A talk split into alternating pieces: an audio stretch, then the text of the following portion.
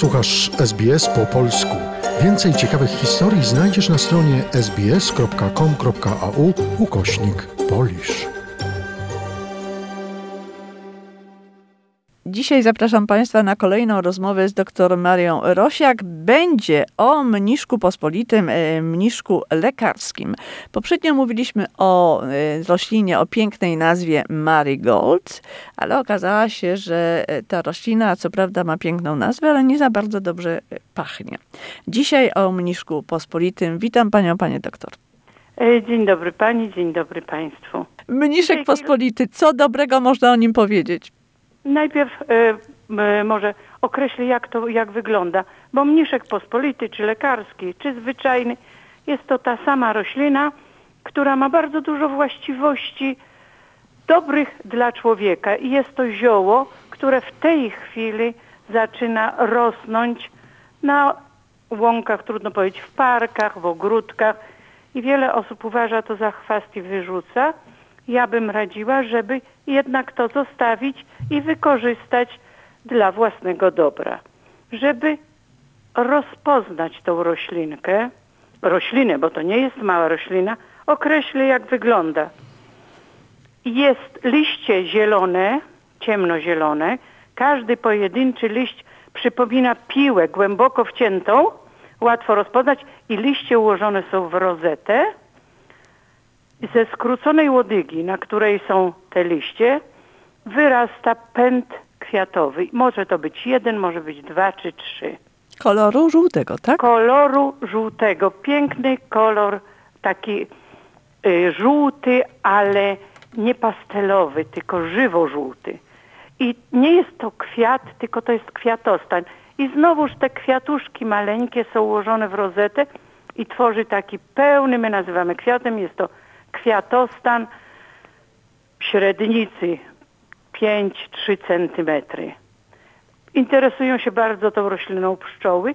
Pyłek, tak jak i cała roślina, są bardzo pożyteczne dla zwierząt i dla człowieka. No właśnie, mniszek pospolity, albo inaczej mniszek lekarski, od dawna znany jest w medycynie ludowej. E, czyli dawniej doskonale zdawano sobie sprawę z jego ogromnych właściwości. Proszę powiedzieć, jakie one są i czy dzisiaj jest wykorzystywany na przykład w kosmetyce, e, w, w zielarstwie? Dzisiaj jest wykorzystywany i chyba przyszła moda, powrót do starej sztuki ludowej, medycznej, bo możemy kupić nawet w dużych sklepach, do których chodzimy, herbatę z mniszka. I jak po angielsku? Naj... Jak po angielsku, bo jesteśmy w Australii? Dendelion. Dendelion. Mhm. Dendelion. Będzie tylko nazwa dendelion, czy herbata z dendelion i już wtedy wiemy, że to jest mniszek lekarski. Herbata najczęściej jest robiona z korzeni mniszka. Korzeń mniszka przypomina e, korzeń chrzanu.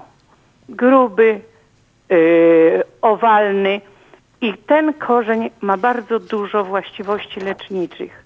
Czasami nawet niektórzy sproszkowany korzeń zastępują e, jako kawę, używają jako kawę bezkofeinową. Co w mniszku lekarskim? Głównie to zbieramy liście, kwiaty i korzeń. Korzeń najczęściej suszymy. Co jest pożytecznego w tej roślinie dla nas? Jest dużo witaminy C i witaminy z grupy B, no więc B kompleks. Poza tym jest jeszcze witamina A. Z minerałów dużo jest potasu, magnezu, siarki i krzemu. W jaki sposób związki te wpływają na nasz organizm? Zwiększają przede wszystkim odporność organizmu, związki znajdujące się w mniszku lekarskim.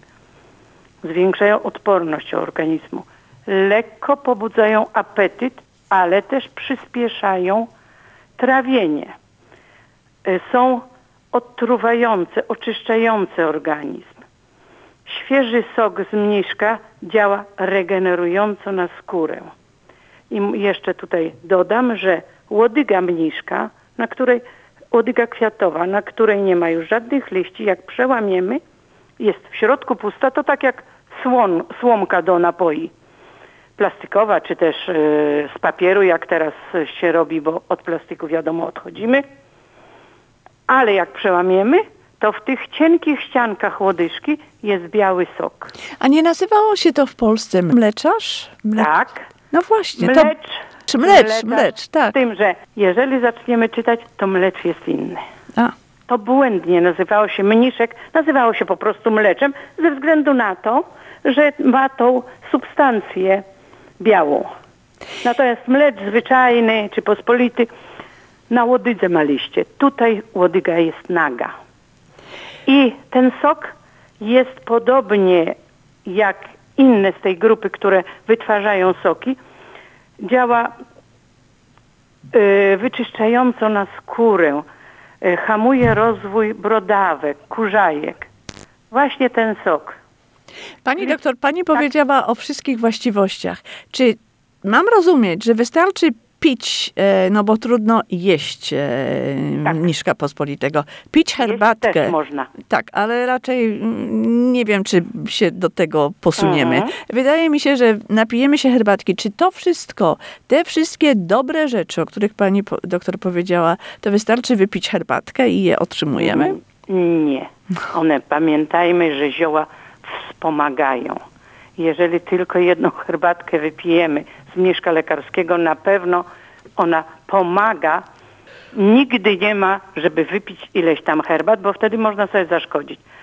Jemy inne rzeczy, czy banany, czy owoce i dokładamy też herbatkę i to wtedy razem współdziała na nasz organizm.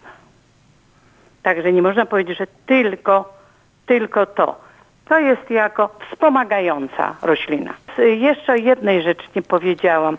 Mniszek lekarski czy sok z mniszku jest lekko moczopędny, żółciopędny, co właśnie powoduje przyspieszenie trawienia. I w niektórych krajach mniszek lekarski jest bardzo popularny, na przykład we Francji. We Francji w sałatkach zielonych bardzo często możemy spotkać mniszek lekarski. W Australii może mniej, ale jeżeli jesteśmy w jakichś ekskluzywnych restauracjach, sałatka świeża zielona na pewno będzie z dodatkiem liści mniszka i kwiatów mniszka. Wielokrotnie mówimy o roślinach, które były znane już w starożytności. Czy dotyczy to także mniszka lekarskiego? Oczywiście w najstarszych książkach, y, jakichś zapisach z okresu starożytności już wspomina się o mniszku lekarskim. Dziękuję za dzisiejsze spotkanie z panią dr Marią Rosiak. E, Następne wkrótce i będzie o... Nagietku. Dziękuję bardzo. Do usłyszenia. Polub nas na Facebooku, udostępnij innym, skomentuj, bądź z nami na polskim Facebooku SBS.